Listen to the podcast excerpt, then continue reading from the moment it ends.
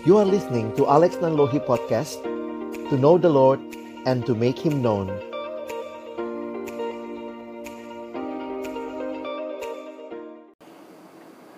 Mari kita bersatu dalam doa.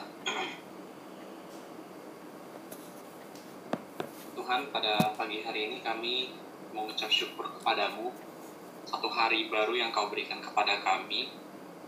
Satu hari yang di mana kami boleh menikmati hidup dan pagi ini kami masih boleh berkumpul secara online untuk belajar bersama mengenai Alkitab. Tuhan kiranya Engkau memimpin Bang Alex yang akan menyampaikan materi pada pagi hari ini. Kiranya Engkau memberikan hikmat dan kuasa kepadanya.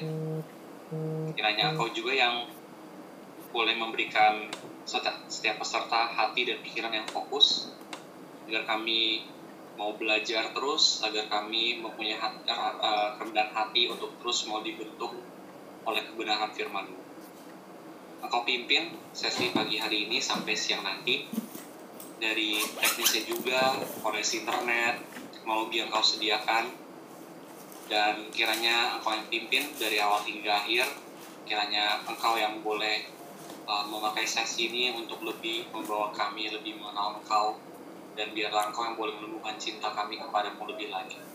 Terima kasih ya Tuhan, kami mau menyerahkan pembicara, serta dan seluruh teknis CDP pagi hari ini ke dalam tangan. Di dalam nama rahmu Tuhan kami Yesus Kristus kami berdoa kami mengucap syukur. Ya, ini uh, mungkin kepada Bang Alex uh, dipersilakan untuk share screen untuk menyampaikan materinya. Shalom, selamat pagi teman-teman. Kita bersyukur kepada Tuhan uh, kesempatan ini Tuhan pakai juga untuk bisa belajar bersama ya. Nah, saya ingin membagikan bagian firman Tuhan pagi ini yang mengajak kita untuk melihat kembali dasar dari kita belajar kebenaran firman Tuhan. Mari kita membuka 2 Timotius pasal yang ketiga. Mari lihat sebentar 2 Timotius pasal yang ketiga. Kita akan membaca di dalam ayat yang ke 16 dan 17. 2 Timotius pasal yang ketiga ayat yang ke-16 dan ayat yang ke-17 Mari kita membaca bagian ini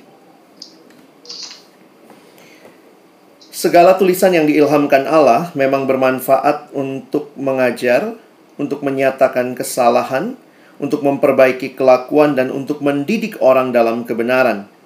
Dengan demikian, tiap-tiap manusia kepunyaan Allah diperlengkapi untuk setiap perbuatan baik.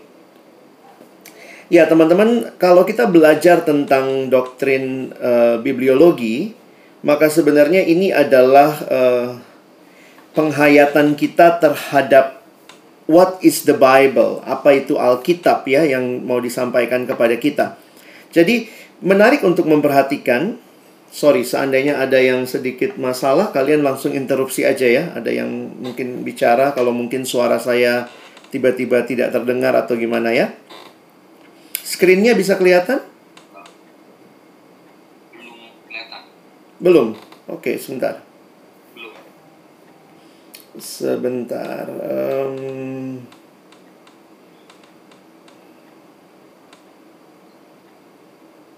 Oke, sudah kelihatan?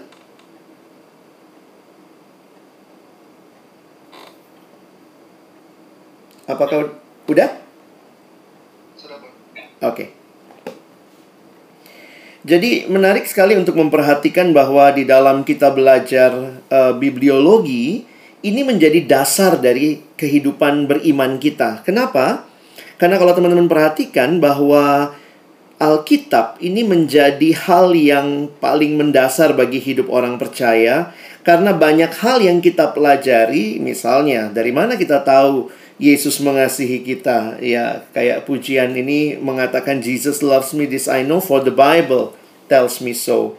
Jadi kita harus bisa melihat bahwa Alkitab inilah yang menjadi dasar di dalam kehidupan beriman kita. Karena itu di dalam beberapa buku-buku teologi sistematika maka doktrin Alkitab menjadi dasar dari semua doktrin.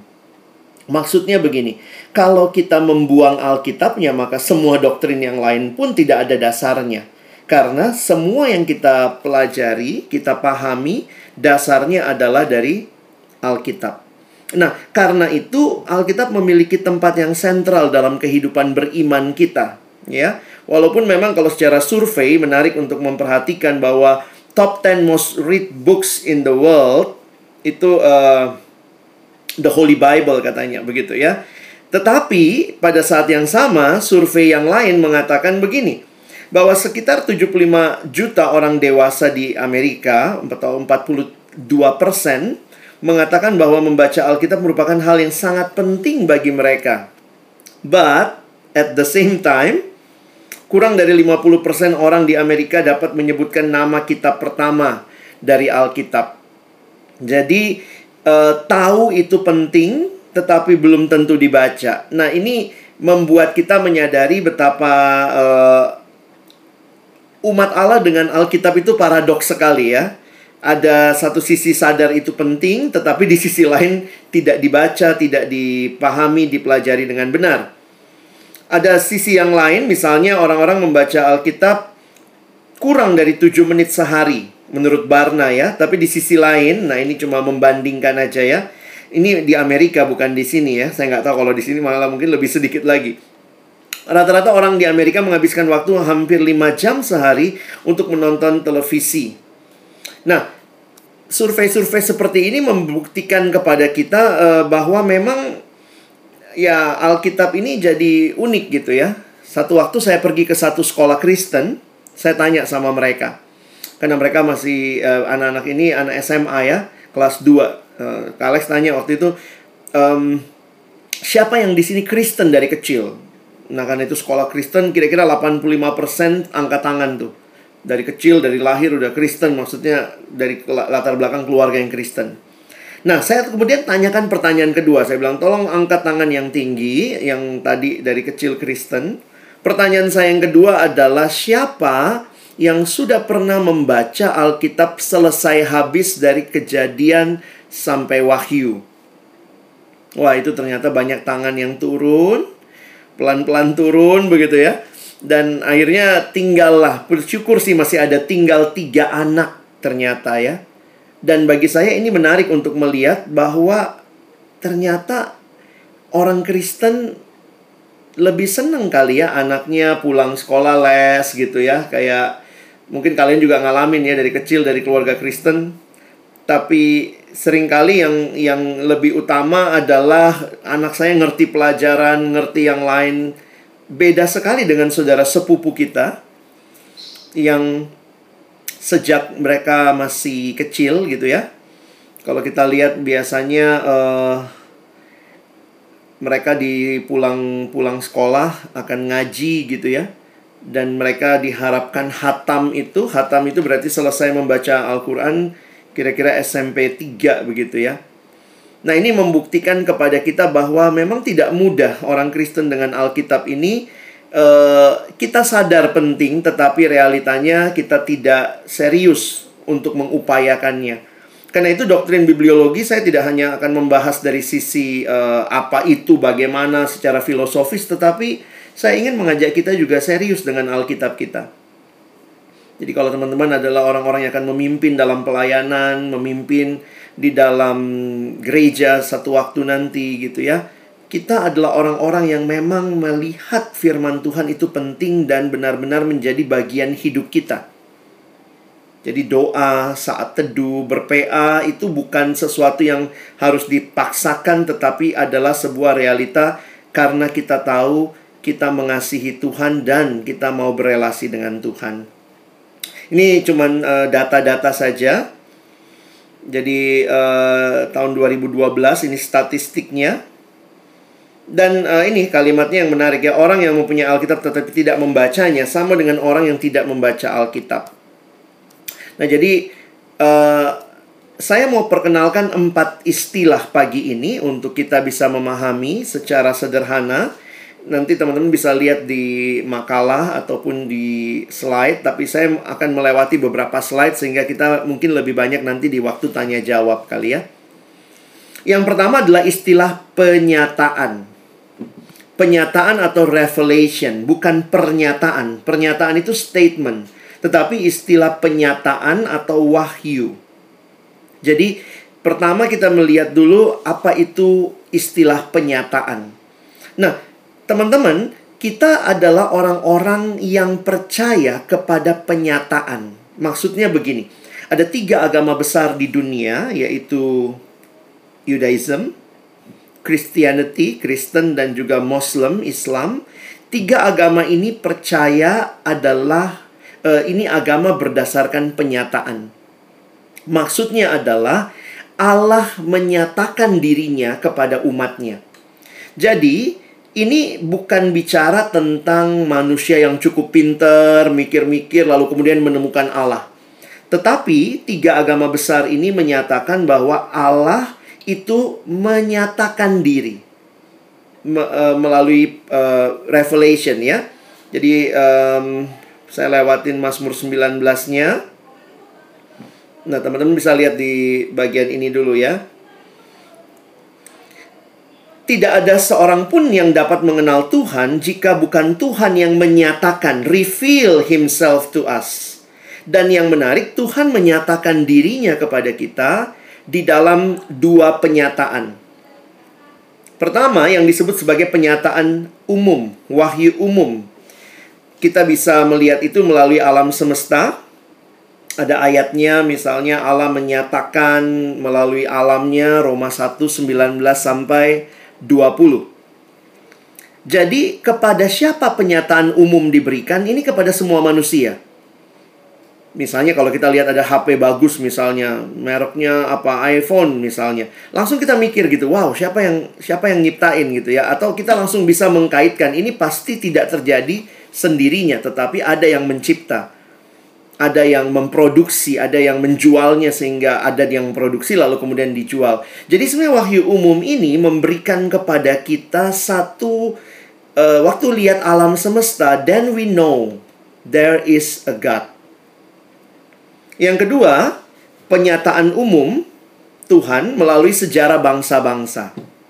Teman-teman bisa lihat ya, ketika misalnya eh, anggaplah misalnya seorang raja bisa turun begitu, raja yang diktator begitu memerintah dengan penuh kuasa segala macam, bahkan mungkin waktu reformasi Indonesia ketika Soeharto turun itu orang langsung bilang, "Wow, ini ada tangan ilahi yang menurunkan dia."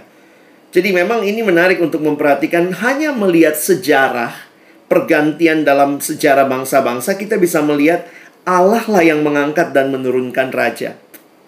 Nah, ini membuat manusia oh ada Allah begitu ya.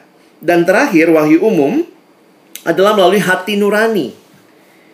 Hati nurani kita itu mau menyatakan ada hukum Allah yang ditulis di dalamnya. Jadi nggak mesti punya Alkitab untuk tahu membunuh itu salah. Nah, kalau kita perhatikan dalam kitab Roma, Paulus berargumentasi orang-orang yang tidak dapat hukum Taurat, they know it's wrong because the God's law is written in their hearts. Jadi hukum Allah itu uh, menyatakan kepada mereka bahwa Allah itu ada dan memberikan hukumnya. Nah, memang penyataan umum ini hanya memberikan, nah ini perhatikan ya istilahnya Penyataan umum hanya memberikan manusia awareness that there is a God.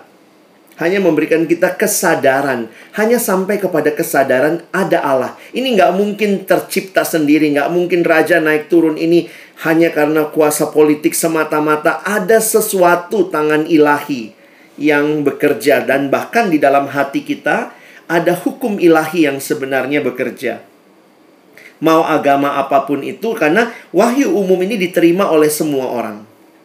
Nah, kekristenan mengenal yang kedua adalah wahyu khusus. Ya. Wahyu khusus kita mengertinya bahwa Allah memberikan wahyu yang lebih khusus kepada orang-orang percaya ada dua bentuknya. Pertama adalah firman yang ditulis di dalam Alkitab. Nah, ini yang kita bisa lihat. Paulus menghayati di kitab Roma, semua yang ditulis, ditulis jadi pelajaran bagi kita. Supaya kita teguh berpegang pada pengharapan oleh ketekunan dan penghiburan dari kitab suci. Lalu perhatikan lagi, misalnya di dalam bagian lain, di dalam kitab Ibrani pasal 1 ayat 1. Pada zaman dahulu Allah berulang kali berbicara dengan perantaran nabi-nabi. Jadi, wahyu khusus. Nah, wahyu khusus ini juga Tuhan berikan. Pertama tadi firman yang tertulis, tetapi juga firman yang menjadi manusia. Jadi firman dalam bentuk tulisan Alkitab dan firman dalam bentuk daging yaitu Yesus sendiri. Nah, inilah kita melihat Allah akhirnya bicara dengan perantaraan anaknya. Jadi coba perhatikan, ini kira-kira kesimpulannya.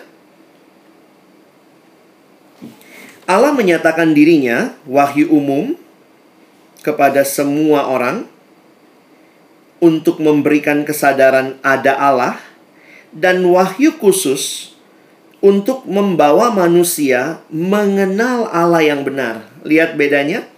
Wahyu umum hanya membawa kesadaran ada Allah. Wahyu khusus membawa kita sampai kepada pengenalan akan Allah yang benar. Jadi, kesimpulan kita tentang Alkitab, Alkitab adalah wahyu Allah, wahyu khusus Allah. Kira-kira begitu ya, kalau kita mau uh, memahami. Ini semua yang saya sudah sampaikan tadi. Wahyu umum, Allah menyatakan, wahyu khusus Allah menyatakan melalui firman Tuhan dan Yesus. Jadi Alkitab adalah wahyu Allah. Manusia butuh wahyu khusus untuk bisa mengenal Allah dengan benar. Ini bisa melihat kepada ketika kita lihat politeisme, kok semua orang kayak menyembah Allah ini, Allah ini. Karena sebenarnya wahyu umum hanya bisa membawa manusia mengenal atau tahu ada Allah, awareness akan ada Allah. Tetapi mengerti bahwa hanya ada satu Allah yang benar itu kita terima dalam Alkitab sebagai wahyu Allah. Jadi, apa tujuan Alkitab diberikan? supaya manusia mengenal siapa Allah dan seperti apa Allah yang benar itu. Supaya manusia memahami dan mengalami karya penyelamatan Allah bagi seisi dunia. Jadi, teman-teman, ini yang perlu kita pahami. Kalau ditanya, ada saya dapat surat misalnya bertanya, ini sebenarnya kitab tentang manusia atau tentang Allah? Kalau Alkitab adalah kitab tentang Allah yang menyatakan dirinya kepada manusia sehingga kita bisa melihat di dalamnya kita belajar apa yang sudah Allah lakukan dalam Yesus, pengharapan apa yang terkandung dalam karya tersebut dan bahkan kita bisa memahami bagaimana harusnya kita meresponinya.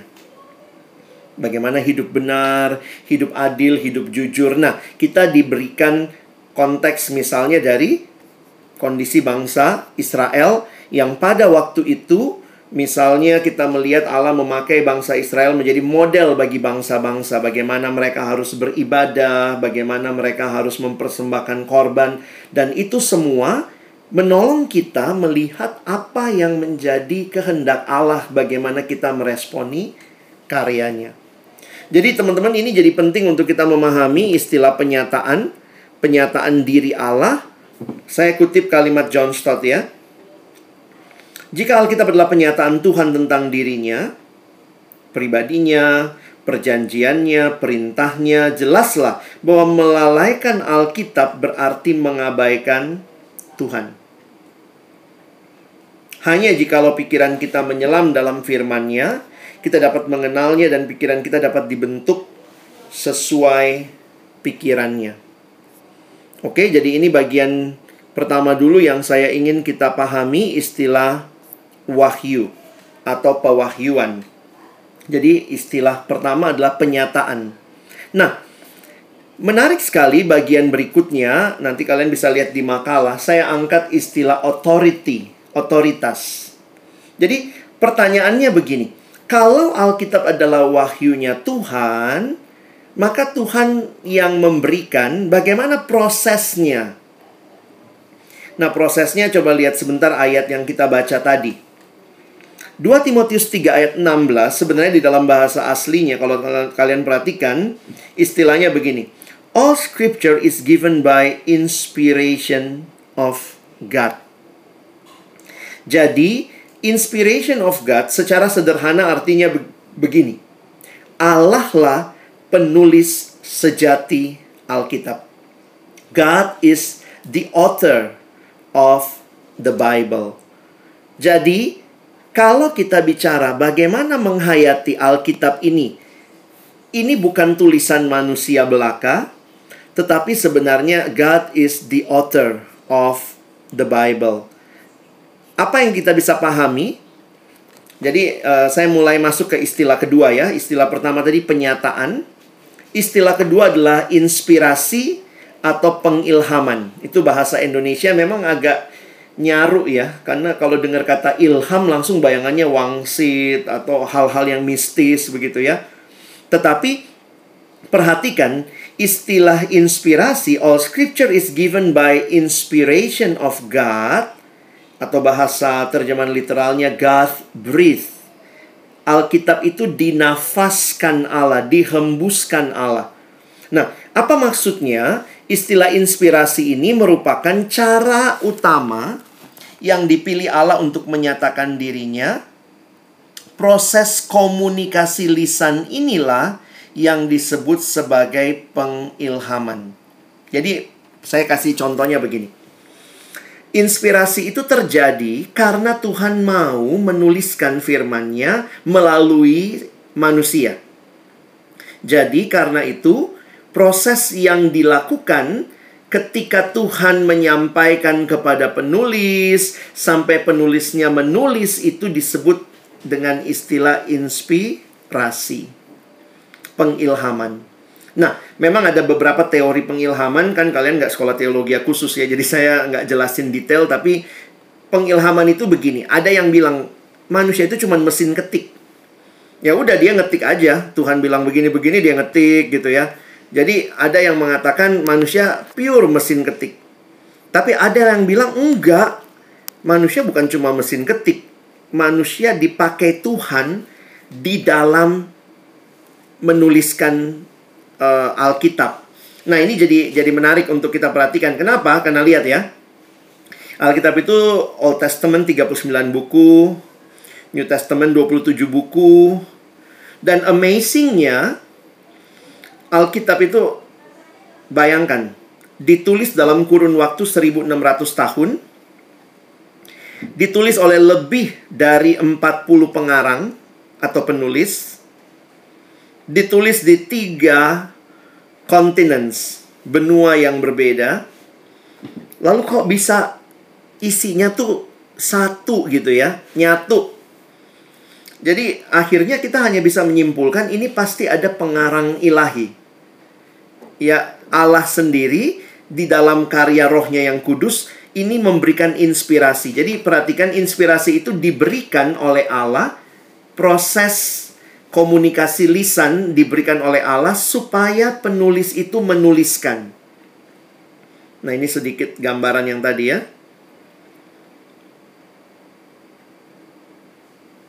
Though different writers were used there is but one author. Nah, poin saya apa? Kalau teman-teman perhatikan, sebenarnya ini mau menunjukkan kepada kita uh, di mana kita bisa melihat bagaimana prosesnya. Saya mengajak kita memahami bahwa ini sepenuhnya ilahi, tapi juga sepenuhnya manusiawi. Jadi Alkitab punya dua sifat pada saat yang sama. Karena sifatnya ilahi, maka ini berlaku sepanjang zaman. Tapi karena sifatnya manusiawi, maka ada konteks sejarah. Dan ingat, Tuhan memberikan Alkitab di dalam konteksnya umat Israel. Jadi mau tidak mau kita bisa melihat bahwa pasti ada bagian yang sangat kontekstual Israel, tapi juga ada bagian yang secara umum yang kita lihat berlaku sepanjang zaman. Nah, jadi inspirasi itu terjadi di dalam konteks. Nah, coba kita lihat sebentar satu ayat. Maaf saya nggak buat di slide.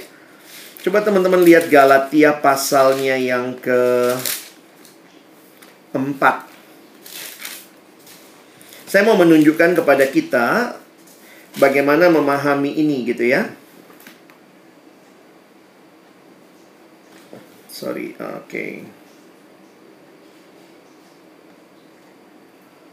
Galatia pasal yang keempat uh, maaf, Galatia pasal 3. Galatia pasal 3, teman-teman lihat ayat 16. Galatia 3 ayat 16. Nah, perhatikan kalimatnya. Paulus bilang begini. Adapun kepada Abraham diucapkan segala janji itu dan kepada keturunannya. Tidak dikatakan kepada keturunan-keturunannya seolah-olah dimaksud banyak orang, tetapi hanya satu orang dan kepada keturunanmu, yaitu Kristus. Nah, saya tetap melihat memang ada bagian yang benar-benar Allah menginspirasikan itu. Jadi waktu penulis itu nulis keturunan itu bukan salah tulis.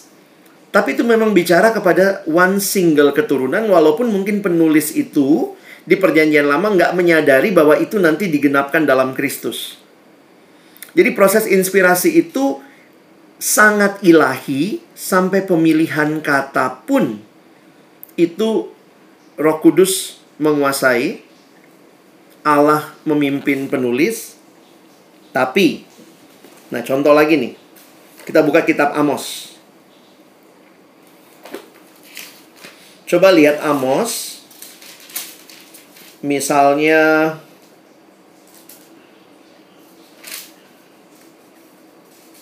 Amos pasal yang sebentar ya. Atau Hosea kali ya, saya, saya lupa. Eh, sorry kok, Amos sebentar. Nanti teman-teman kalau bisa cari itu um, Israel digambarkan seperti roti bundar yang tidak dibalik. Nanti mungkin bisa cek, saya lupa persis tempatnya apakah di Amos atau mungkin bukan di kitab Amos. Jadi gambarannya begini. Kenapa saya mengutip e, bagian itu? Karena gambaran ini kedurhakaan Israel itu digambarkan seperti roti bundar yang tidak dibalik.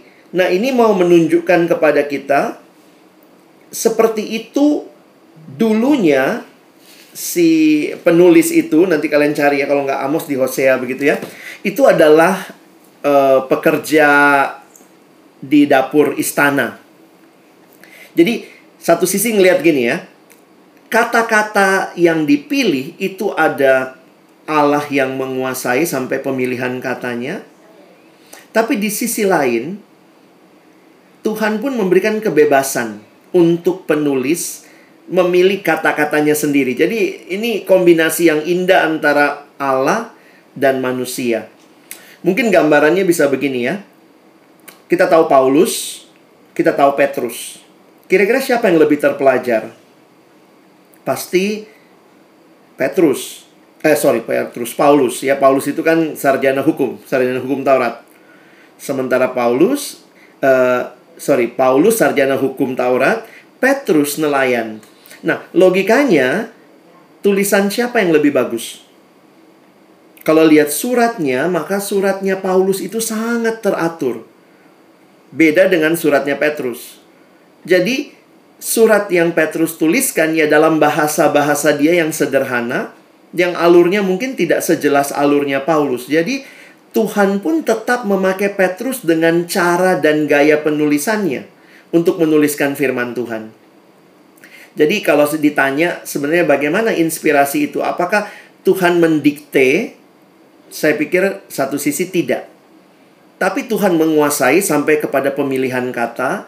Di sisi yang lain, Tuhan pun juga tetap melibatkan penulis manusia tanpa menghilangkan kepribadian mereka. Jadi bagaimana proses inspirasinya? Saya setuju dengan yang disebut sebagai dynamic inspiration. Itu ada di tengah-tengah bahwa Allah bekerja, penulis pun tidak kehilangan kepribadiannya. Jadi, inspirasi ini adalah proses komunikasi lisan yang Tuhan nyatakan supaya penulis itu menuliskan Alkitab. Nah, karena itu di dalam bahasa kita sekarang, dalam bahasa teologi, tidak ada lagi inspirasi. Kenapa tidak ada lagi inspirasi? Karena sudah selesai Alkitab ditutup. Kanon sudah ditutup. Kalau kita menerima masih ada inspirasi sekarang, berarti masih ada dong Alkitab baru.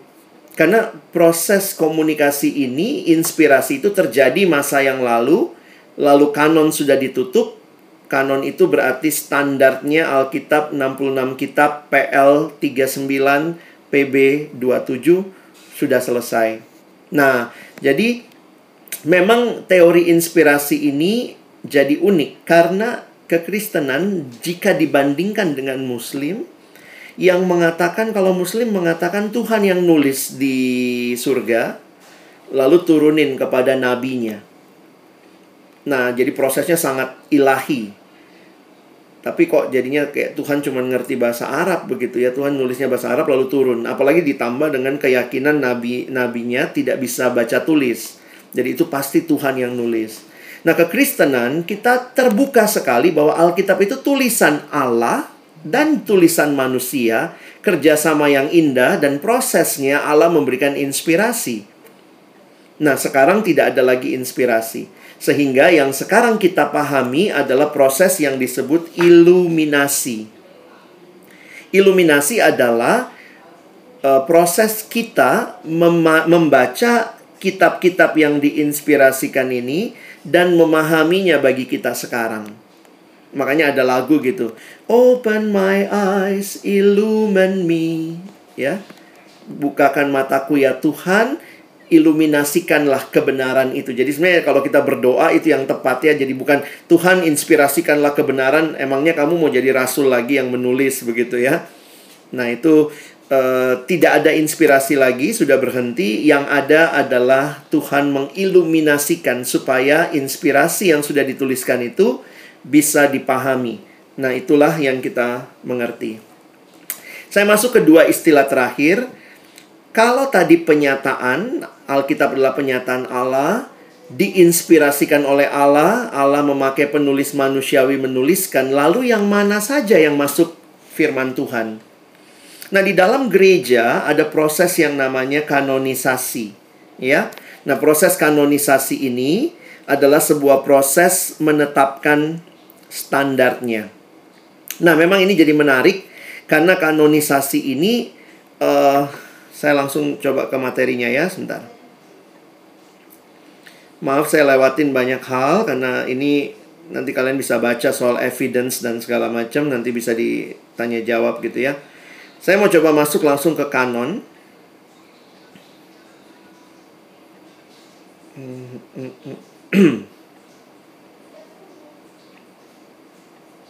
Sorry.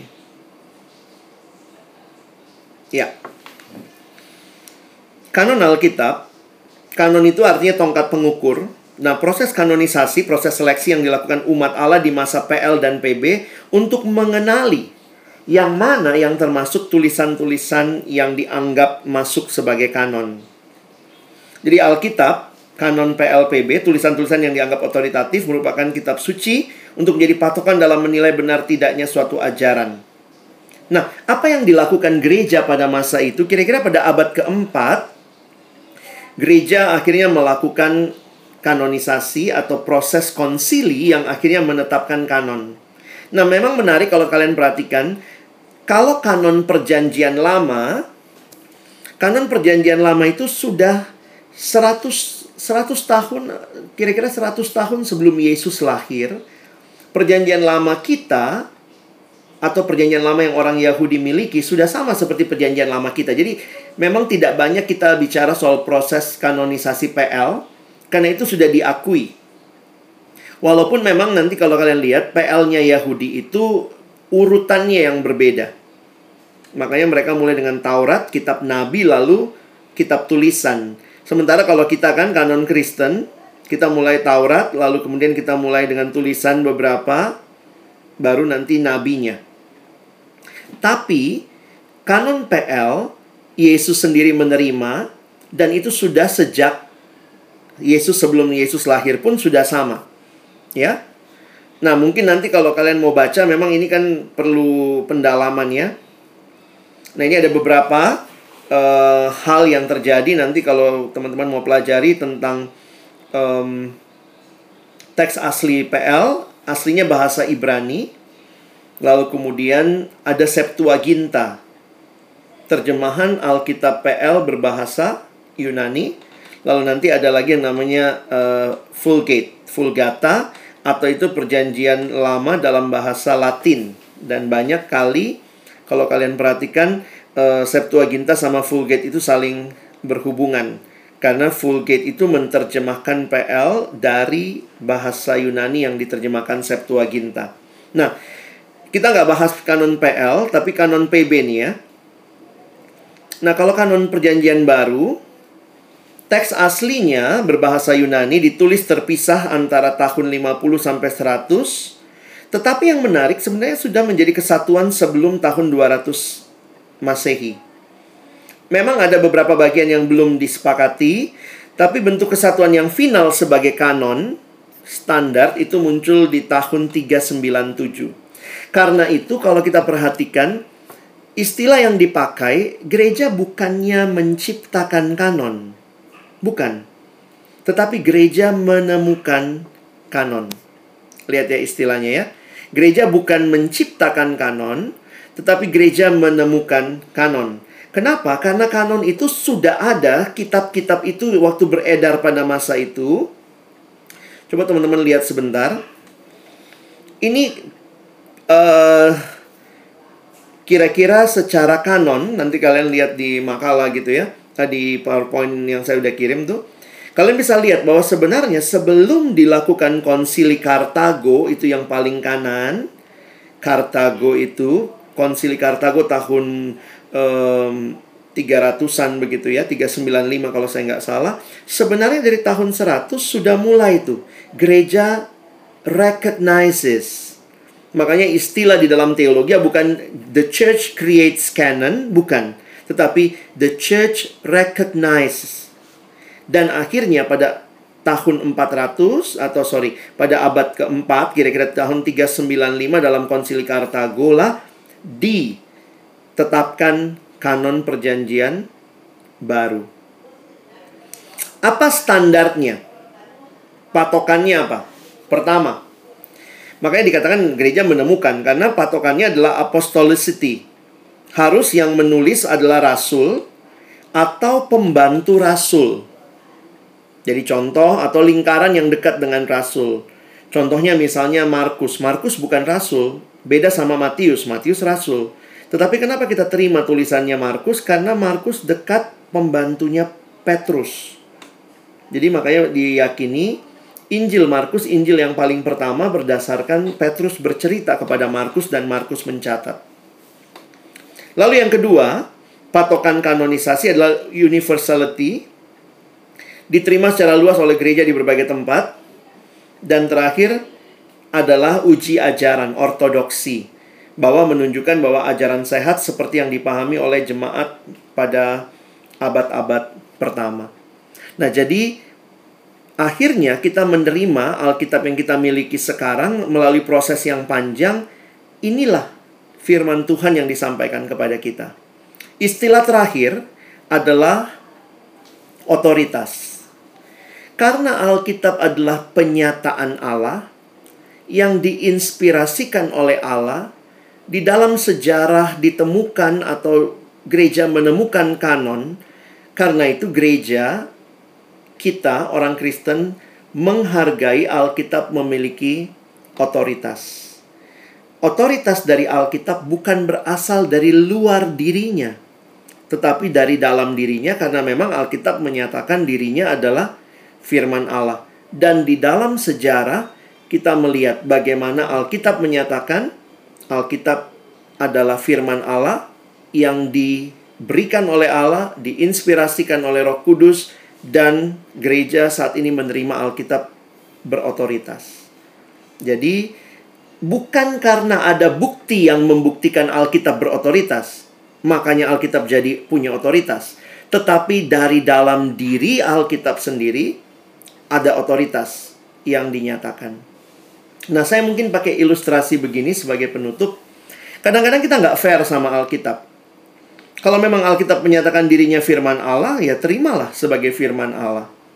Memang jadi menarik karena orang bilang nggak bisa nih, mesti ada yang bisa membuktikan Alkitab firman Allah. Kalau ada yang bisa membuktikan Alkitab firman Allah, kita mesti lebih percaya Alkitabnya atau yang alat buktinya itu.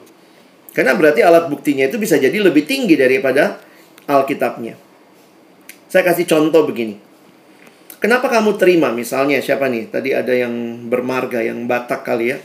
Um, nama kamu uh, misalnya siapa? Patrick ya. Marganya si Torus. Bener kamu si Torus. Pernah ngecek nggak? Pernah nanya nggak sama opung? Opung punya opung. Pernah selidiki nggak? Ada ada nggak yang membuktikan kamu benar-benar si Torus?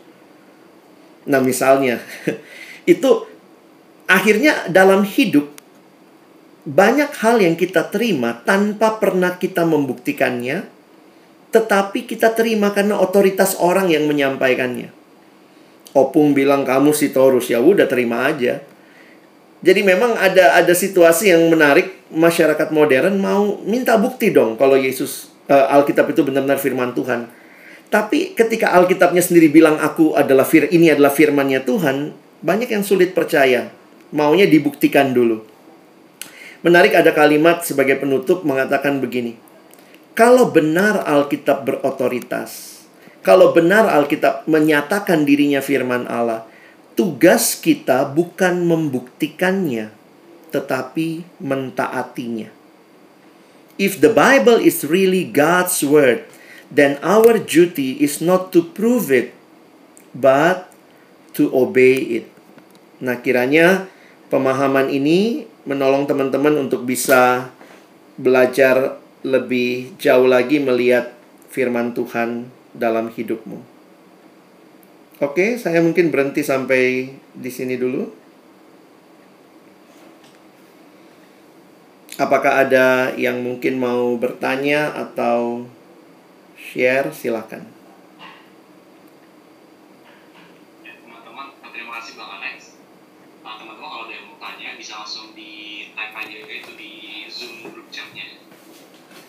Thank you tadi ya Hosea 7 ya. Maaf. Oke, okay, halo Davin. Aku mau bertanya, kalau setiap agama mengklaim kitabnya benar, bagaimana kita memastikan Alkitab adalah satu yang benar? Vin, uh, kalau saya ngelihatnya begini. Um, memang kalau kita mau pakai alat uji, nah ini ini menarik juga sih ya. Maksudnya kalau kalau memang mau pakai alat uji, tapi saya selalu melihatnya semua yang membuktikan itu bukanlah uh, bukannya lebih tinggi dari Alkitab. Nah, makanya tadi kalau lihat slide saya, mungkin kalian buka masing-masing lah ya. Um, ada beberapa ada beberapa hal yang menarik tentang atau tunggu ya, sebentar saya buka slide-nya dulu.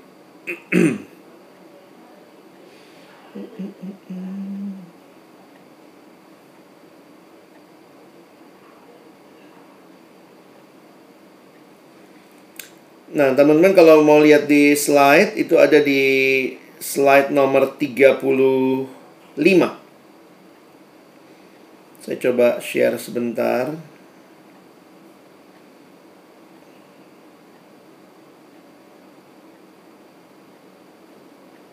Oke ya. Teman-teman lihat di slide 35 sebentar atau mungkin bisa dari 32. Jadi memang kalaupun kita bertanya is the Bible really true? Kelihatan slide saya? Kelihatan ya?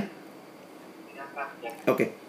Maka ada yang mencoba melihatnya ada dua evidence. Uh, pertama internal evidences adalah hal-hal yang dari dalam Alkitab sendiri.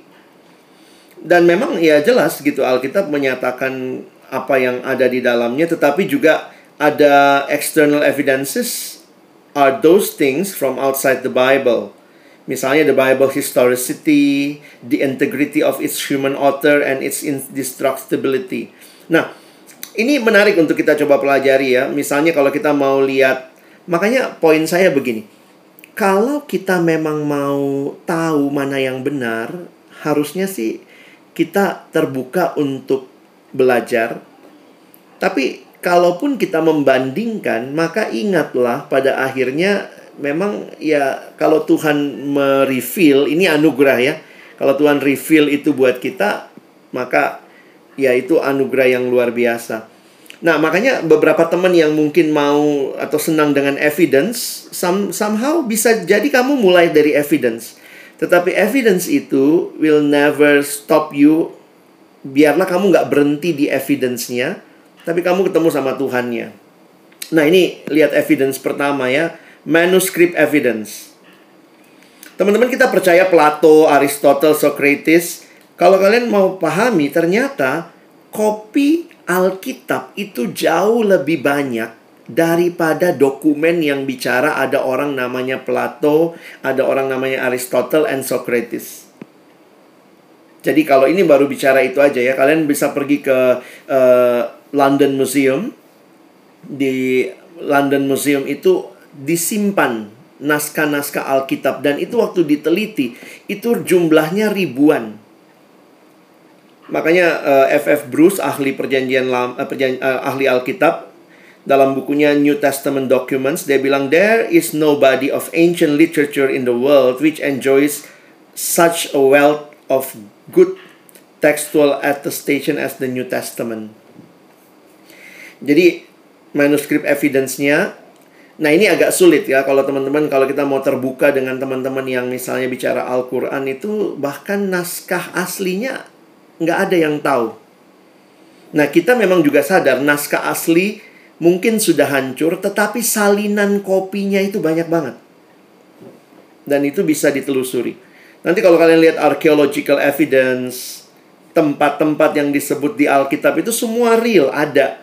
Nanti eyewitness accounts, eh, corroborating accounts, jadi uh, kalau lihat di luar Alkitab, ternyata ada misalnya orang seperti Jewish historian Josephus yang menulis tentang New Testament tentang Yesus. Jadi ada sumber di luar Alkitab yang menegaskan Alkitab ini benar gitu ya atau orang namanya Yesus tuh benar-benar pernah hidup. Lalu itu literary consistency bayangkan ya ada sekian banyak penulis nggak pernah rapat redaksi loh mereka tapi nulisnya bisa nyambung. Nah, lalu nanti prophetic consistency. Nah, ini kalau dijelasin nih sampai 10 ya. Nah, tapi bagi saya yang menarik yang ke-10. Bukti Alkitab itu benar sebenarnya yang paling jelas adalah ketika engkau dan saya menghidupi hidup yang berubah karena kita pernah ketemu Tuhan di Alkitab. Makanya kalimatnya from Saint Augustine to Martin Luther to countless everyday men, women and children the words are the Bi- the words of the Bible have transformed life unmistakably and forever. Memang sih kalau udah bicara macam-macam macam-macam akhirnya kita cuma bisa bilang ah misalnya teman kita bilang gue nggak mau percaya ah Alkitab lu nggak bener. Ya udah tapi itu telah ngubah hidupku gitu. Kalau gue pengen hidup lu berubah come to the Bible. Um, ada satu kutipan dari buku Pak Mangapul Sagala dia bilang begini kalau itu benar-benar singa yang asli, gimana cara membuktikan ini singa asli atau tidak? Bukan tentunya dengan mengobservasi saja, mengapakan, tapi dia bilang ini, mau membuktikan itu singa asli atau tidak, masuk ke kandang singa, buka kandangnya, masuk ke dalam, then you will know is it a true lion or not. Jadi somehow kadang-kadang teman-teman kita nggak bisa gitu ya nggak sanggup kita jelaskan untuk orang-orang yang terlalu skeptis. Tapi if they really open, then let the Bible speak to them. Oke, okay, thank you ya. Selamat pagi Bang, aku Ayers. Aku mau bertanya kalau diceritakan tentang kitab-kitab seperti Barnabas dan kitab lain yang sering digunakan untuk menyerang Alkitab, karena aku pernah baca kitab-kitab ini digunakan untuk menyerang Alkitab. Mungkin dari sejarah tahu mana yang benar dan gimana. Aku bingung kalau ditanya orang soalnya bang. Ada beberapa kitab-kitab um, yang masih dipelihara dalam gereja atau maksudnya boleh dibaca tapi itu bukan dianggap berotoritas. Nah, sebenarnya kalau teman-teman perhatikan dalam proses kanonisasi kitab-kitab yang seperti Injil Barnabas, Injil Thomas itu semua sudah ditolak di abad pertama, abad kedua. Nanti kalian lihat kenapa rata-rata berkaitan sama ortodoksi. Karena misalnya banyak bagian-bagian di dalamnya yang sangat mengandung ajaran sesat yang disebut Gnosticism. Jadi kalau kalian pelajari tentang uh, kanonisasi, kalian bisa ketemu tuh. Bahkan dari kanonisasi awal, biasanya beberapa kitab kayak Injil Thomas, Injil Barnabas itu bahkan nggak dimasukkan. Tetapi kenapa nggak dibuang, masih dibaca? Ya mungkin gereja ada bagian-bagian yang tetap dibaca, tapi tidak tidak punya otoritas sama seperti 27 kitab perjanjian baru. Jadi kalau saya pikir kekristenan sangat terbuka ya. Maksudnya kitab-kitab itu kenapa nggak dimusnahkan aja? Begitu kamu baca, kan kamu pernah baca ya, langsung berasa nggak? Itu nggak nggak kuat otoritasnya. Karena ajaran-ajarannya misalnya kayak Yesus menikah, dia punya anak dan segala macam. Nah, itu semua ajaran gnostik abad pertama sehingga di dalam nanti lihat dengan gambar tadi yang saya berikan tentang kanonisasi tidak muncul kitab-kitab itu bahkan ditolak. Begitu ya. Jadi nggak lolos uji ortodoksi.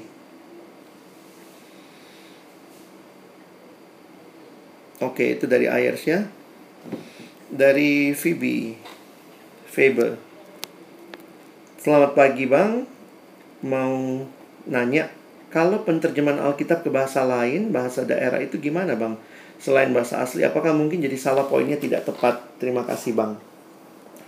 Sebenarnya yang menarik, Alkitab itu sangat open to translation. Agak beda ya dengan kitab tetangga kita yang tidak boleh diterjemahkan sebenarnya dengan boleh diterjemahkan itu membuktikan itu sangat terbuka untuk dikritisi, diteliti. Nah, masalah penterjemahan memang ini jadi menarik. Kenapa Alkitab khususnya kalau lihat terjemahan bahasa Inggris kok banyak banget sih versi Alkitab bahasa Inggris? Nah, memang begini teman-teman. Tidak mudah menerjemahkan sesuatu. Contoh, Coba kamu terjemahkan ke bahasa Inggris ya. Nanti tulis di grup chat gimana nerjemahinnya. Tadi malam saya masuk angin. Lalu saya dikerok dan sembuh. Ayo, terjemahin ke bahasa Inggris. Tadi malam saya masuk angin, dikerok lalu sembuh.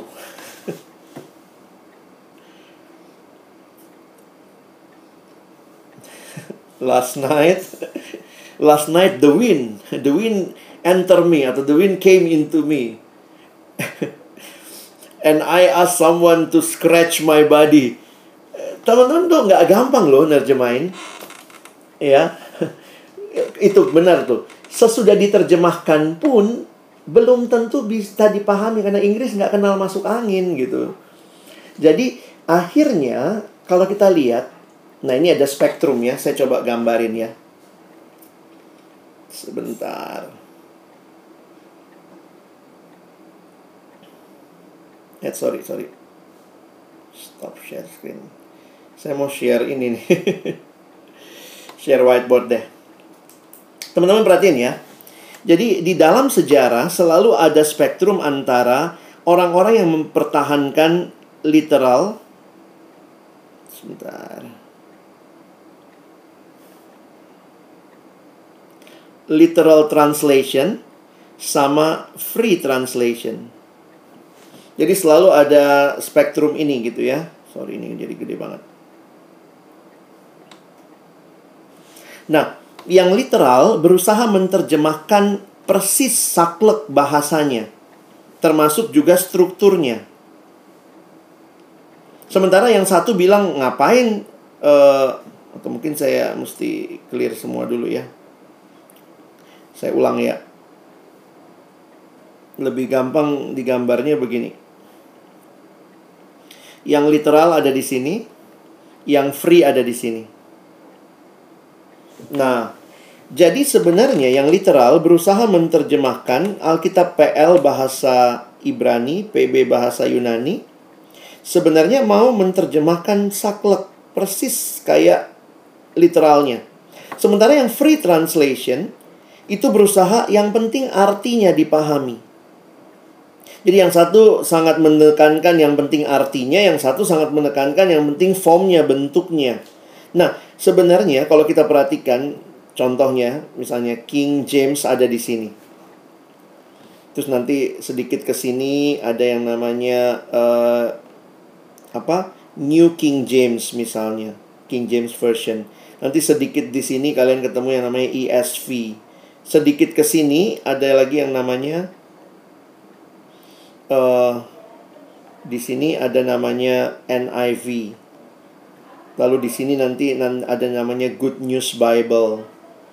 Makin makin fokus kepada artinya. Nanti di sini lagi ada The Message Bible. The Message yang dibuat oleh Eugene Peterson. Nanti sedikit ke sini lagi ada namanya Living Bible. Nah, di bahasa Indonesia juga kita mengakui terjemahan standar kita itu sedikit keliteral. Alkitab terjemahan baru. GNB itu bahasa Indonesia masa kini. Nanti ada Living Bible itu FAYH, firman Allah yang hidup. Nah, semua ini sebenarnya mau menyatakan bahwa Alkitab kita sangat terbuka untuk dikritisi dan akhirnya yang dilihat adalah artinya. Artinya apa? Bentuk aslinya apa? Makanya NIV mengklaim dia di tengah, makanya dia disebut sebagai dynamic translation. Yang ini free translation, ini literal translation. Selalu ada dalam spektrum ini. Makanya setiap kali ada terjemahan Alkitab yang baru, sebenarnya bukan mengubah aslinya, tetapi justru membuat menegaskan apa yang lagi difokuskan oleh penulisnya atau penerjemahnya lagi memfokuskan mau ke literalnya kah biar nggak hilang bentuk aslinya atau ke free. Nah di tengah-tengah inilah spektrumnya. Jadi kira-kira semoga ini bisa teman-teman pahami ya. Saya baca lagi. Um, Oke, okay, Reva ya. Um, nanti kalau mau lihat terjemahan misalnya gini. Kalian lihat Alkitab kita karena lebih dekat ke literal, Alkitab TB kita terjemahan Indonesia, maka perhatikan misalnya waktu Paulus bilang e, Tuhan bilang sama Paulus, "Kenapa engkau menendang ke galah rangsang?" Nah, Alkitab kita yang terjemahan standar berusaha tetap menggunakan istilah galah rangsang. Nanti bandingkan sama terjemahan eh, BIMK, bandingkan sama terjemahan sederhana Indonesia TSI, bandingkan dengan terjemahan uh, eh, AMD Alkitab Mudah Dibaca, itu semua dia menju berusaha menjelaskan apa itu kegalah rangsang. Nah, jadi itu menarik tuh kalau kita perhatikan. Yang satu berusaha mempertahankan dibilangnya apa ya bilangnya tulisnya itu. Yang satu bilang ngapain tulis itu kalau orangnya nggak ngerti itu apa gitu ya. Jadi bisa diperhatikan. Dari Reva, aku mau bertanya tentang inkonsistensi Alkitab. Kalau kita merupakan kebenaran, mengapa ada inkonsistensi dalam berbagai peristiwa Alkitab? Misalnya kebangkitan Kristus dalam empat Injil. Perhatikan, oke. Okay mau tambahin pertanyaan Rafael, bagaimana dengan kontradiksi dalam Markus 6 ayat 8? Sebentar ya. Markus 6 ayat 8. Ini tentang Oke, okay, berpesan Oh, oke, okay, perbedaan yang dibawa ya sama Matius pasal 9 ya. Nah, sebenarnya istilah ini di dalam Alkitab perbedaan-perbedaan itu um, nah ini kita mesti melihat dulu nih. Itu disebut sebagai diskrepansi. Jadi kalau teman-teman nanti pelajari lebih jauh discrepancy of the Bible itu memang menarik untuk kita pelajari bahwa sebenarnya Alkitab tidaklah apa ya tidaklah kontradiksi. Ya ini balik lagi kan, saya saya mengertinya, melihatnya, belajarnya bahwa kontradiksinya itu bisa dijelaskan lah, kira-kira begitu. Makanya nanti coba uh, mungkin kalian bisa akses Alkitab-Alkitab yang study Bible, biasanya akan dijelaskan diskrepansinya itu apa.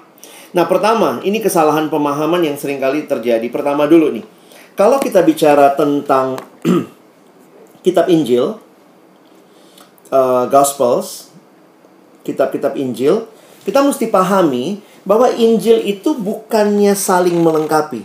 Jadi Injil itu tidak saling melengkapi.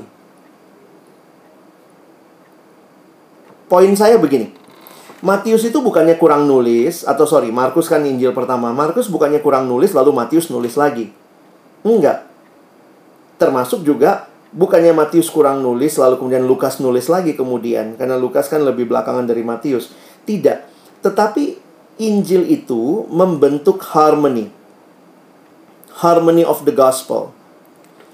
Ini mirip seperti begini. Ada empat wartawan melihat sebuah peristiwa. Lalu masing-masing mencatat dari sudut pandangnya masing-masing. Misalnya ada kecelakaan. Republika bilang, wah sangat mengerikan. Yang yang celaka kakinya hancur remuk. Lalu yang satu tulis lagi, Wah, ngeri banget, mobilnya sampai penyok. Yang satu tulis lagi, orang-orang yang di situ berteriak. Saking mengerikannya, misalnya begitu. Nah, masing-masing itu tidak sedang melengkapi satu sama lain. Setiap orang sedang memberikan sudut pandangnya. Karena itu empat Injil memberikan empat sudut pandang. Nah, karena itu di antara kitab Injil itu tidak kita lihat sebagai sebuah uh, kontradiksi, tetapi sebagai sebuah sudut pandang yang masing-masing punya sudut pandangnya sendiri. Kalaupun ada perbedaan cerita, maka kita bisa lihat ada beberapa kemungkinan. Memang mungkin ceritanya berbeda. Jadi jangan bukan berarti pasti sama. Apakah Yesus mengutus 70 orang itu persis sama dengan 70 orang di tempat lain? Mana tahu dua kali pengutusan. Kayak misalnya orang bertanya, khotbah Yesus di bukit. Kenapa di satu di Lukas dibilangnya itu di dataran? Di Matius dibilangnya di bukit. Ini benar dataran atau bukit? Jadi kita jadi bingung. Loh, bisa jadi Yesus berkali-kali khotbah yang sama. Emangnya nggak bisa bisa aja kan gitu ya? Nah, itu yang membuat kita menyadari bahwa diskrepansi itu sebenarnya bisa dijelaskan. Di satu sisi dibilang ada dua orang ada dua orang yang kerasukan. Di satu sisi bilang ada satu. Apakah itu bertentangan? Saya pikir nggak bertentangan karena yang satu ingin mungkin memfokuskan melihat satu orangnya, yang satu ngelihat kepada dua orangnya sehingga hati-hati kita tidak mempertentangkan lalu kemudian mengatakan bahwa tidak ada peristiwa itu. Ya kayak tadi ya, setiap orang kan punya sudut pandang nih. Ada kecelakaan yang sangat mengerikan, satu orang kakinya seperti ini, yang satu nggak bilang orangnya, dia bicara mobilnya, Walaupun berbeda tulisan, tetapi jangan mempertanyakan historisitinya karena masing-masing sedang menuliskan dari sudut pandangnya sendiri. Jadi saya pikir kira-kira seperti itu kali ya cara melihatnya.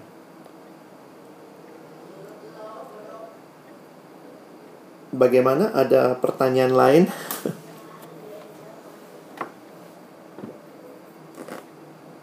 oh, apokrifa ya.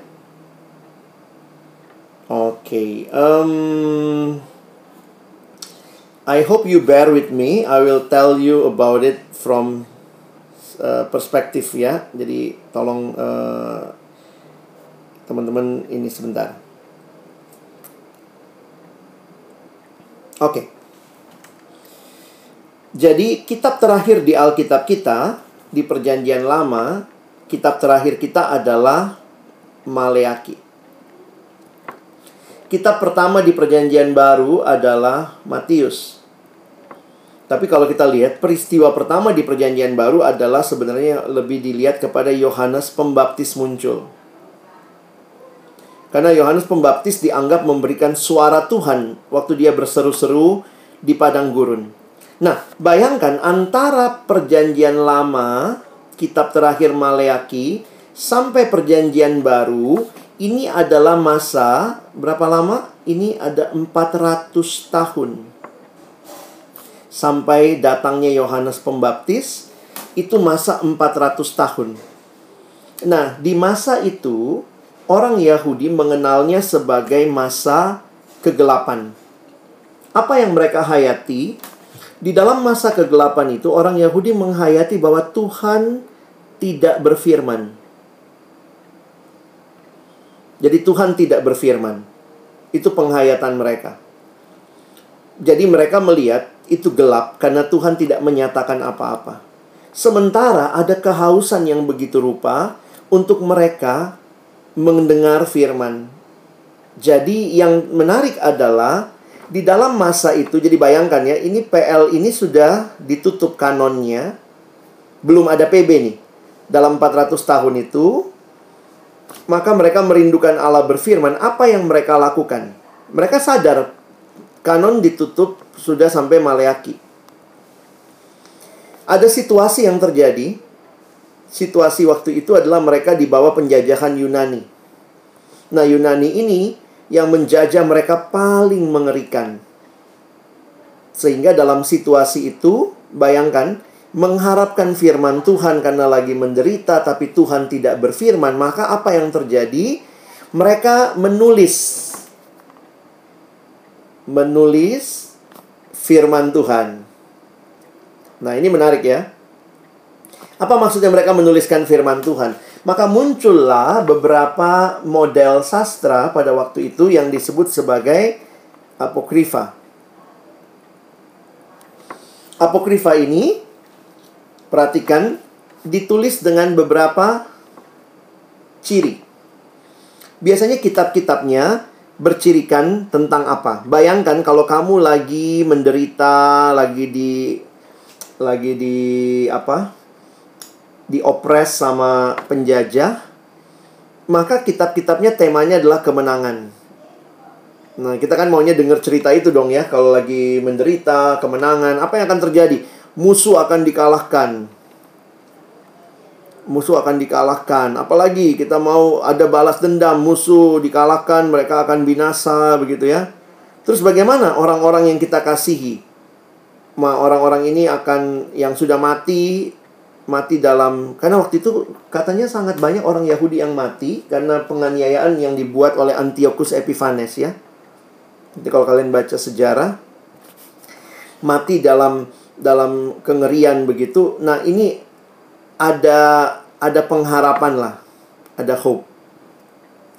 Lalu apalagi ciri tulisannya? Kalau pakai nama penulis waktu itu, misalnya tiba-tiba bikin kitab Alex. Ah, siapa yang mau gitu ya? Uh, kitab Alex ini siapa yang percaya? Karena itu mereka pinjam, mereka pakai nama pseudografia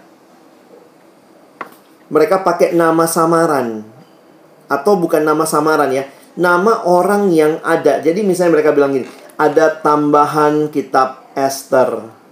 Esthernya udah lama mati. Ada tambahan kitab Daniel misalnya. Uh, jadi dipakai nama yang populer. Karena kalau pakai namanya sendiri nggak ada yang mau baca gitu ya. Nah, kitab-kitab ini memang ada dan dipelihara dalam kehidupan umat waktu itu memberikan penghiburan aja walaupun mereka sadar betul ini bukan kanon. Nah, jadi teman-teman lihat ya, ciri-cirinya seperti ini. Dan kitab ini pun dipelihara dalam gereja. Nah, bayangkan pada waktu proses kanonisasi tahun 395 dengan konsili Kartago telah ditetapkan PB PL 39 PB 27. Nah, tadi ada teman yang nanya juga, bisa nggak kita percaya ini? Saya belajar percaya kepada otoritas sejarah. Karena memang sejarah menuliskan dan itu bisa kita lihat kalau kanonisasi itu sangat manusiawi tetapi kelihatan banget tangan ilahi. Jadi bayangkan ya, semua kitab perjanjian baru saya hapus dulu ya.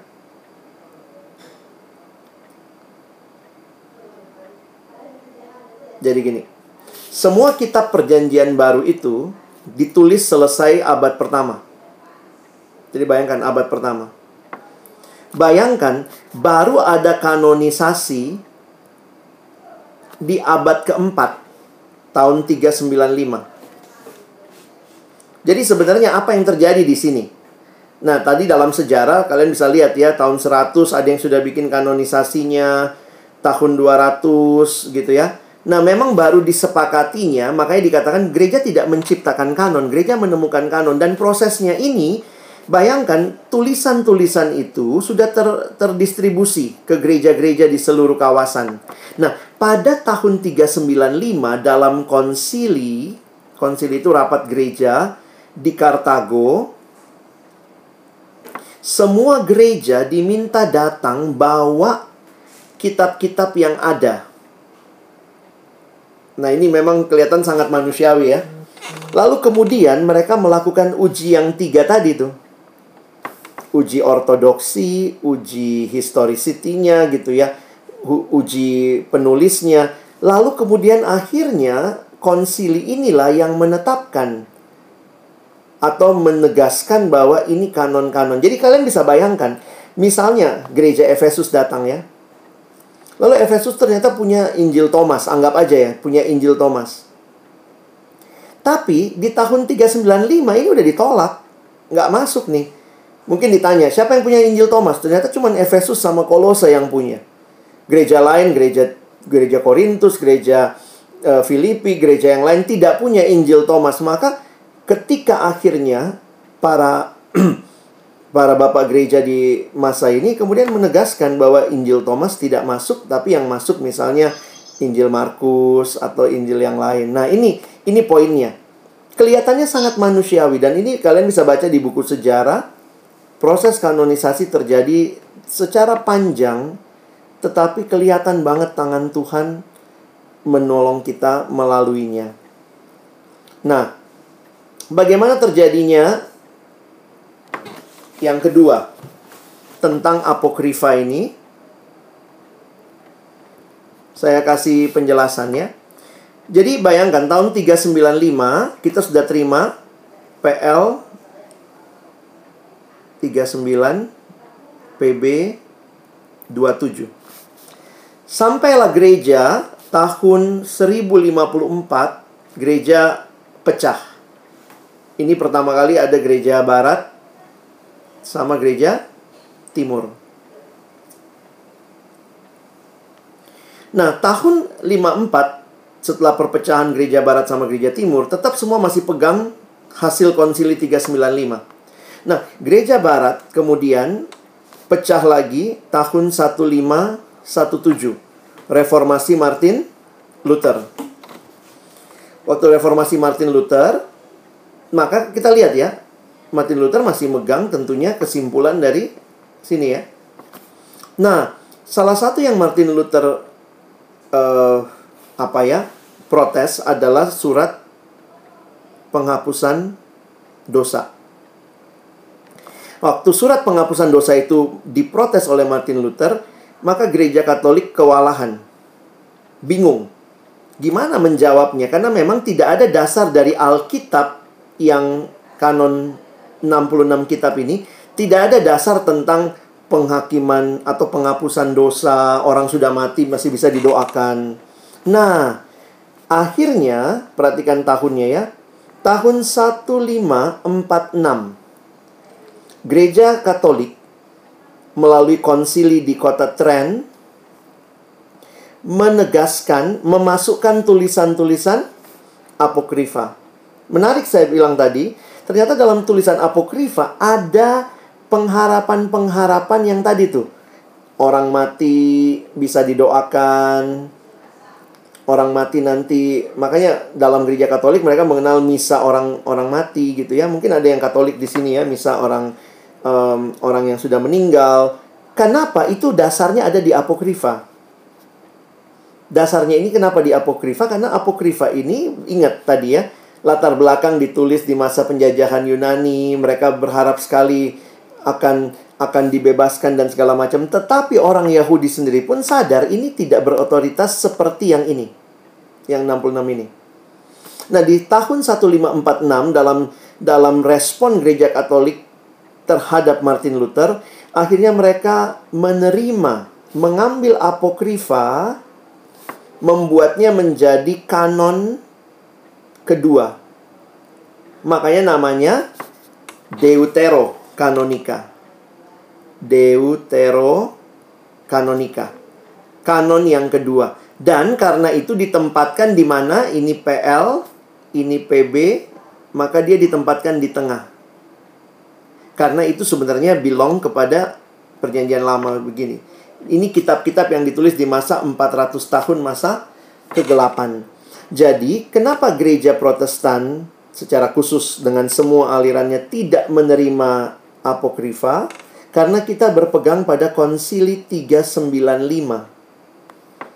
Makanya sampai hari ini di dalam tradisi gereja Protestan tidak ada misa untuk orang mati, tidak ada doa untuk orang mati, tidak ada penghayatan api penyucian seperti yang dihayati oleh gereja Katolik karena mendasarkannya kepada apokrifa. Oke, kira-kira begitu. Semoga dipahami.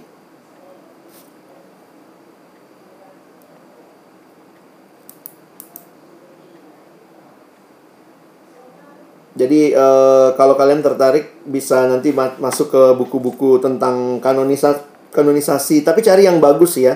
Nanti saya bisa kasih rekomendasi. Nah, uh, kenapa berbeda? Ini VB nanya ya. Kenapa PL Kristen sama PL Yahudi beda? Orang Yahudi itu menyebut PL-nya itu sebentar ya orang Yahudi menyebut PL-nya mereka itu sebagai Tanak. Taurat. Ini Torah ya. To, sorry. Torah, Nevi'im, kitab nabi-nabi lalu Ketuvim. Nah, ini memang cara makanya Alkitab Perjanjian Lama orang Yahudi sering kali disingkat Tanak ya.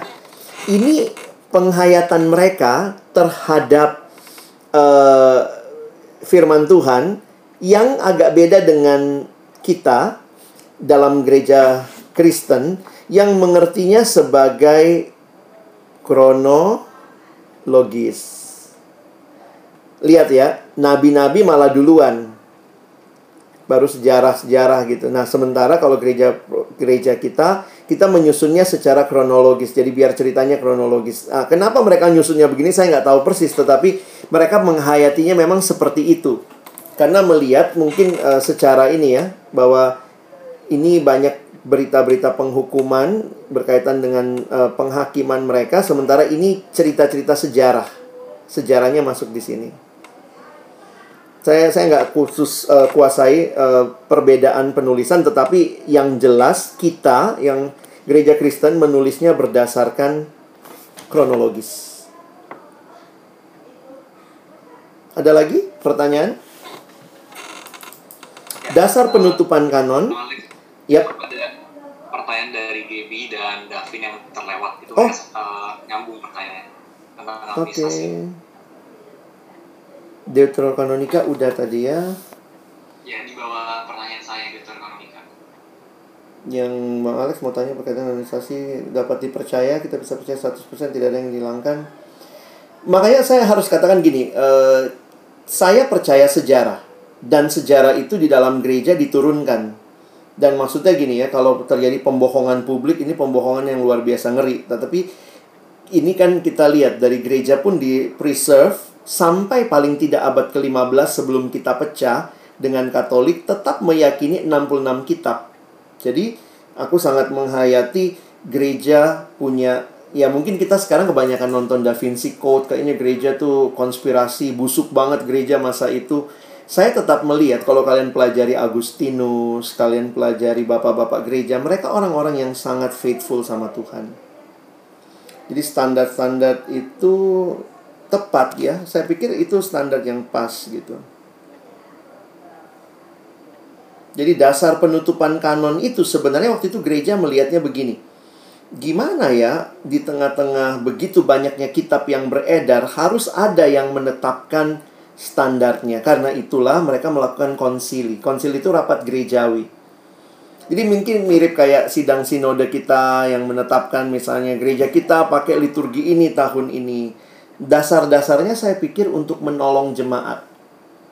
Walaupun jangan lupa, pada masa itu meskipun kanon sudah ditutup, belum ada mesin cetak. Jadi sebenarnya hanya tanda kutip elit-elit ini yang bisa accessible sama teks-teks itu. Nah, sehingga saya tetap meyakini mereka pun adalah ahli-ahli orang-orang yang Tuhan tolong untuk bisa melihat mana yang masuk, mana yang tidak, karena mereka punya uh, jangan pikir kekristenan itu tradisinya nggak cukup kuat ya. Saya pikir kekristenan tradisinya kuat banget dan dalam tradisi itu kita punya tradisi kritis, kita punya tradisi diskusi, kita punya tradisi debat dan semua itu menolong sampai akhirnya ada standar yang ditetapkan.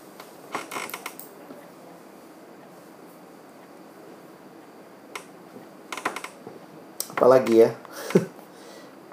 Kalian bagusnya masuk sekolah teologi ya kalian ya sesudah kedokteran biar bisa belajar banyak.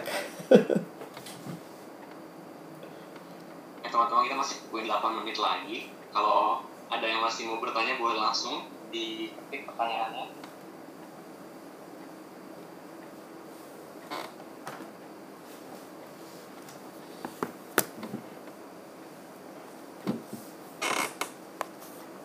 Bang, apakah nubuat-nubuat yang ada zaman ini, misalnya nubuat tentang tanggal berakhirnya corona atau nubuat tentang meningkatnya spiritual Indonesia lain-lain, semuanya salah? Saya melihat Alkitab bukan buku teka-teki. Jadi hati-hati jangan menjadikan ini teka-teki juga begitu ya. Saya tetap melihat perlakukanlah Alkitab sebagai firman Tuhan yang ada konteks sejarahnya. Jadi mesti dilihat kontekstual. Jadi saya terbuka orang mau bernubuat silahkan tapi saya tetap meyakini tidak ada lagi nubuat yang tidak bisa salah. Beda sama inspirasi. Inspirasi itu yang diberikan Tuhan pada masa itu kita yakini tidak bisa salah. Tetapi nubuat yang sekarang terjadi itu sangat open kepada kesalahan karena itu dikatakan oleh Paulus ujilah. Jadi kita harus menguji. Nah, mungkin sedikit cerita ya tadi pagi ada teman yang nanya gitu ya tentang corona ini gitu. Saya bilang kenapa? Uh, dia bilang iya bang soalnya apa ada ada temen yang bilang corona ini antikristus. Hah? Gimana polanya? Nah teman-teman coba lihat ya. Jadi ada yang coba ngitung-ngitung. Saya copy di sini nih. Coba lihat tuh. Jadi corona itu katanya 666. Saya bilang nih orang iseng tingkat dewa lah ya hati-hati hal-hal seperti ini nubuat yang dicombung-sambungin ini bukan teologi menurut saya ini cocokologi bukan ini cocok-cocokin begitu ya apakah Alkitab bicara tentang kengerian kematian? Oh udah banyak ayatnya nggak usah lagi. Jadi waktu kita lihat corona ini jangan kemudian dicocok-cocokin 666 teman-teman tahu di masa saya SMA tadi pagi saya balas sama anak itu ya. Di masa saat saya SMA dibilangnya komputer itu komputer itu setan. Teman-teman bisa bingung kali ya, kok bisa Bang? Nah, ini nih cara pikirnya.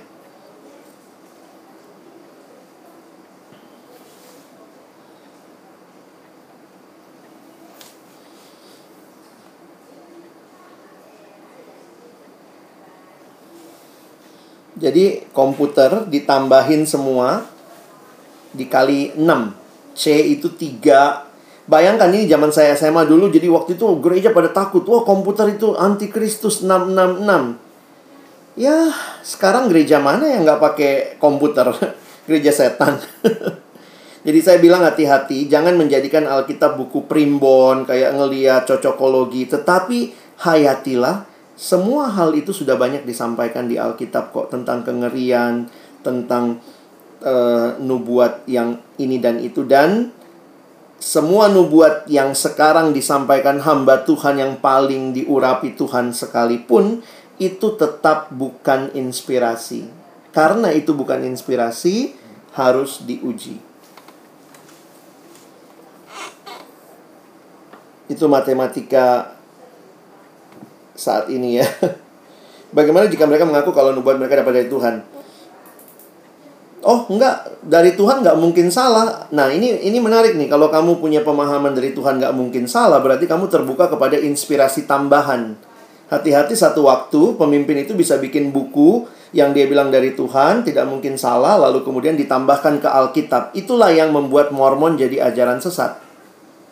Karena dia tambahin Alkitab. Nah, saya lihat sikap seperti ini hati-hati. Makanya saya dengar kalimat saya tadi, sediurapi apa pun dia, semua yang dia sampaikan, termasuk yang saya sampaikan, kalian mesti uji. Karena tidak ada satupun dari kita yang ditetapkan jadi rasul, yang hanya nerima inspirasi itu adalah orang-orang yang Tuhan pilih masa itu untuk menyampaikan firman. Bukan sekarang ini semua nubuat harus diuji.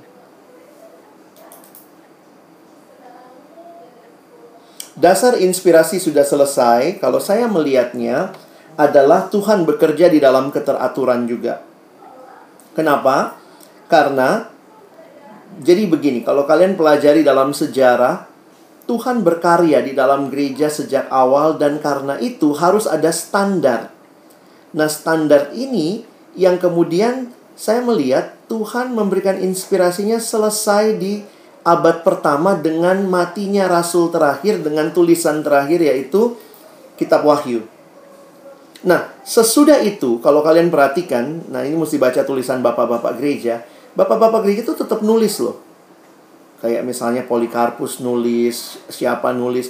Tapi mereka tuh sadar betul tulisan mereka itu tidak punya otoritas sama seperti tulisan yang ditulis oleh orang-orang di abad pertama. Nah, makanya kalau kalian perhatikan, ini seperti memang gereja ditolong Tuhan untuk melihat, mengakui, mengimani bahwa inspirasi itu sudah berhenti. Dan Tuhan bicara saat ini dengan kitab yang ada menolong kita untuk memahami dengan iluminasi yang Tuhan nyatakan.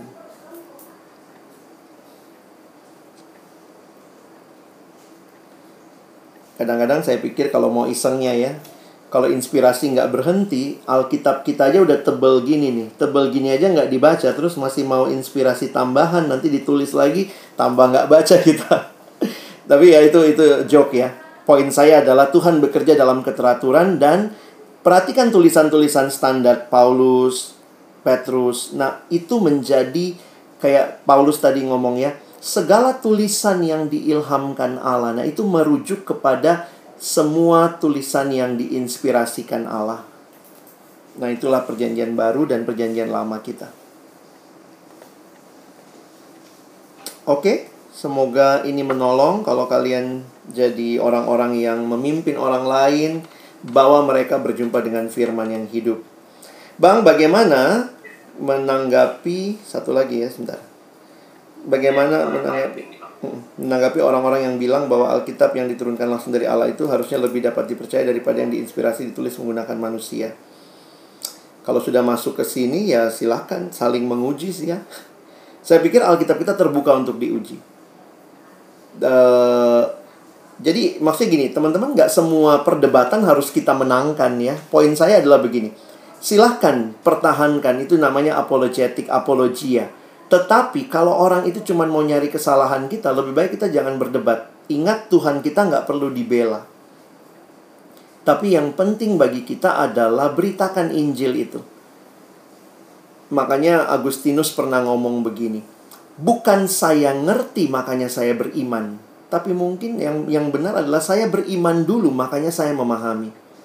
Jadi kadang-kadang saya pikir sikap terhadap Alkitab Kadang-kadang orang yang membacanya dengan terus mau cari kesalahan ini salah ini salah ini salah, wah kami lebih benar. Ya itu tunggu waktunya Tuhan lah ya. Tapi bagian kita adalah seberapa bisa kita jelaskan jelaskan, tapi jangan masuk dalam perdebatan. Dan terus minta Tuhan beri waktu untuk mereka bisa kenal kebenaran itu. Karena wahyu khusus itu yang kita bahas di awal itu anugerah Tuhan sih ya. Kadang-kadang kita nggak bisa maksa. Orang udah ngerti semuanya pun belum tentu mau percaya jadi memang bisa percaya it's only by his grace.